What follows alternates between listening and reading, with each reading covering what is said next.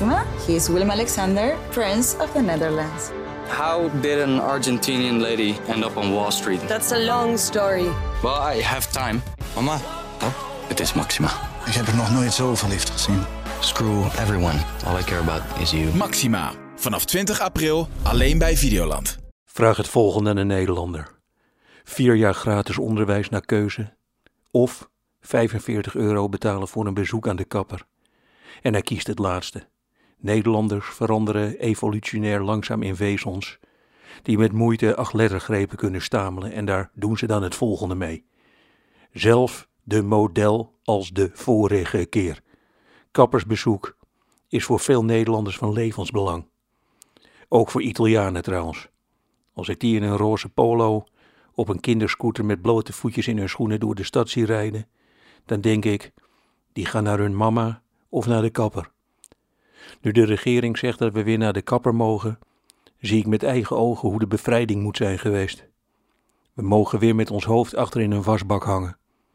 Ikzelf ga al heel lang niet meer naar de kapper. Ik denk als een boom.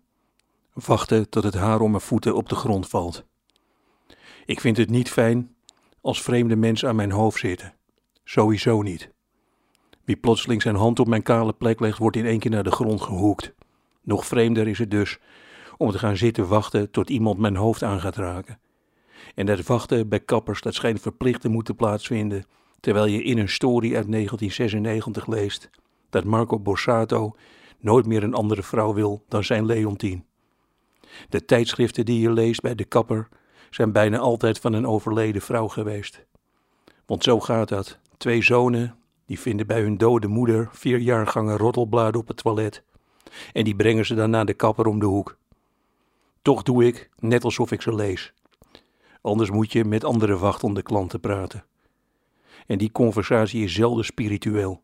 Nooit vraagt iemand aan je: wat vind jij nou van de opwarming van de aarde? Ze zitten naast je, ze kijken je aan en dan zeggen ze: Ik heb een hond met schurft. Hij heet Annette. Het is een mannetje, lachen toch? Daarna het gesprek met de kapper.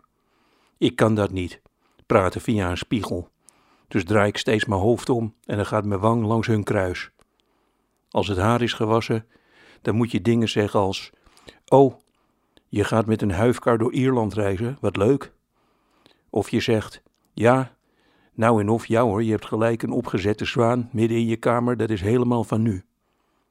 Daarna laten ze je in een spiegel je eigen achterhoofd zien en verkopen ze je een gel waar je een week van had kunnen eten. Voor mij verandert er dus weinig na 2 maart.